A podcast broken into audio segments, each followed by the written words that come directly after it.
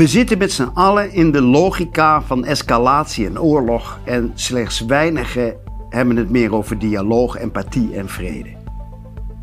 Hoe zou vrede met Rusland eruit moeten zien? Ik ga zeven voorstellen met u doornemen die wat mij betreft het inhoudelijk fundament van een langzaam ontwakende vredesbeweging in de westerse wereld zouden moeten zijn.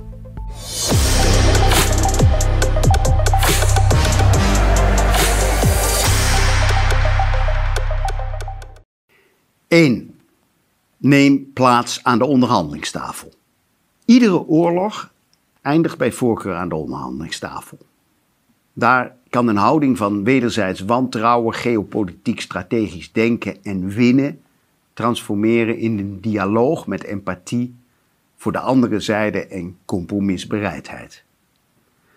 Rusland is voor en na de invasie steeds bereid geweest tot onderhandelen. De Oekraïense president Zelensky heeft met steun van de NAVO hardliners, waaronder president Biden en president Rutte, sinds maart ieder onderhandelingsvoorstel steeds afgewezen. 2. Stop de wapenleveranties aan Oekraïne.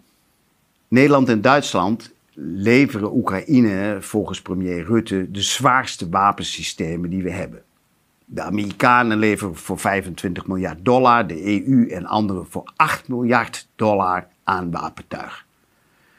Een belangrijk deel van de wapens, volgens sommige bronnen zelfs 90%, komen op de zwarte markt terecht en worden doorverkocht aan andere landen of komen in handen van criminelen.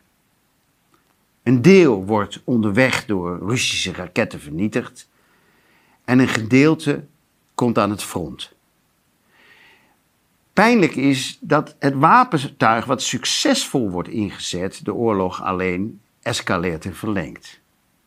Er dreigt zo een jarenlange frontoorlog met westers en Russisch wapentuig. 3.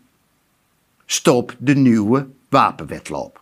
De Russische invasie is een feest voor het militair-industrieel complex. Een serie EU-landen kondigde forse verhogingen van hun militaire budgetten aan. Duitsland gaat 100 miljard extra investeren en trekt haar jaarlijkse uitgaven op van 0,9% tot 2% van het BBP. Duitsland alleen zou daarmee financieel fors groter worden dan Rusland en uitgroeien tot de grootste militaire macht van Europa. Nederland voert eveneens haar bewapening op en uh, verhoogt het defensiebudget jaarlijks met 40%, ofwel 5 miljard euro. De Amerikanen geven nu reeds uh, tienmaal zoveel uit aan defensie als de Russen, terwijl de Europese landen gezamenlijk vijfmaal zoveel uitgeven. Ofwel de NAVO heeft een gezamenlijk budget dat meer dan 15 maal groter is dan het Russische. Dat budget moet nu nog verder groeien. We zijn helemaal terug in de irrationele logica van de Koude Oorlog. 4. Stop de nieuwe nucleaire wapenwetloop. 191 landen hebben het non-proliferatieverdrag getekend. Hoewel de kernwapenarsenalen uh, zich uh, terdege bewust zijn van de verschrikkelijke gevolgen van de nucleaire oorlog voor de mensheid en het leven op aarde, staan de kernwapenarsenalen van het Westen en Rusland nog steeds actief tegenover elkaar. Het was decennia lang een publiek geheim dat de Amerikanen kernwapens hadden opgeslagen op de Nederlandse vliegbasis Volkel. Binnenkort zullen daar nieuwe kernwapens worden geïnstalleerd. Gezien het forse machtsverschil tussen de NAVO en Rusland kan de laatste bij een eh, directe oorlog om bijvoorbeeld Krim of Sint-Petersburg gemakkelijk in de positie worden gebracht dat ze terug moet vallen op haar kernwapenarsenaal. 5. Stop de wederzijdse sanctieoorlog. Het Westen heeft een reeks van sanctiemaatregelen genomen tegen Rusland die grotendeels in ons eigen gezicht zijn ontploft. Westerse bedrijven trekken weg uit Rusland, maar Russische bedrijven nemen met behulp van Chinese producten die plaats in. Europa vernietigt haar eigen exportmarkt.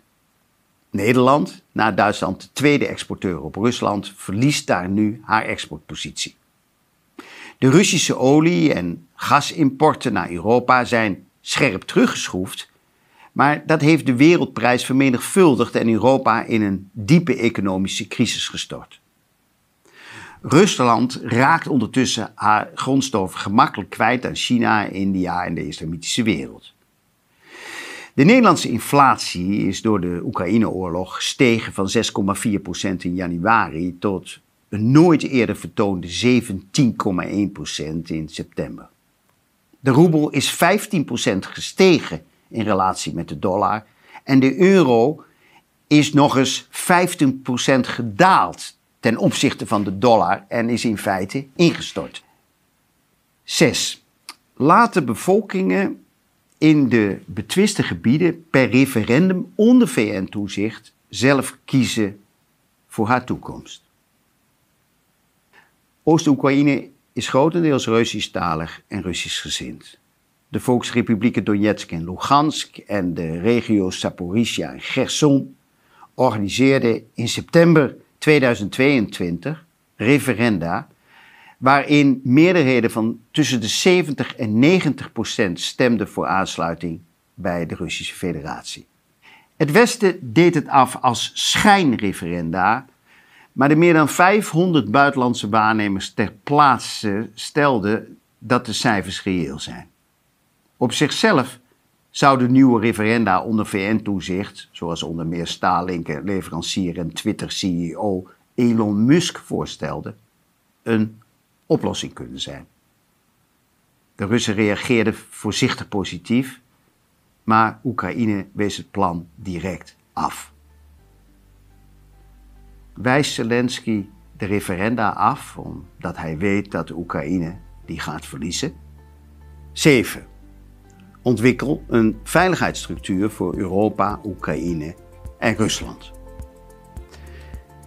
De NAVO-expansie en Oekraïne-oorlog hebben diepe vertrouwensbreuken geslagen in de relatie tussen Rusland en het Westen. Om een nieuw vertrouwensfundament te vormen, zou de in de Koude Oorlog reeds opgerichte Organisatie voor Veiligheid en Samenwerking in Europa, OVSE, moeten worden gerevitaliseerd. Ten slotte, het is van groot belang om de logica van escalatie en oorlog achter ons te laten en in te zetten op dialoog, empathie en vrede.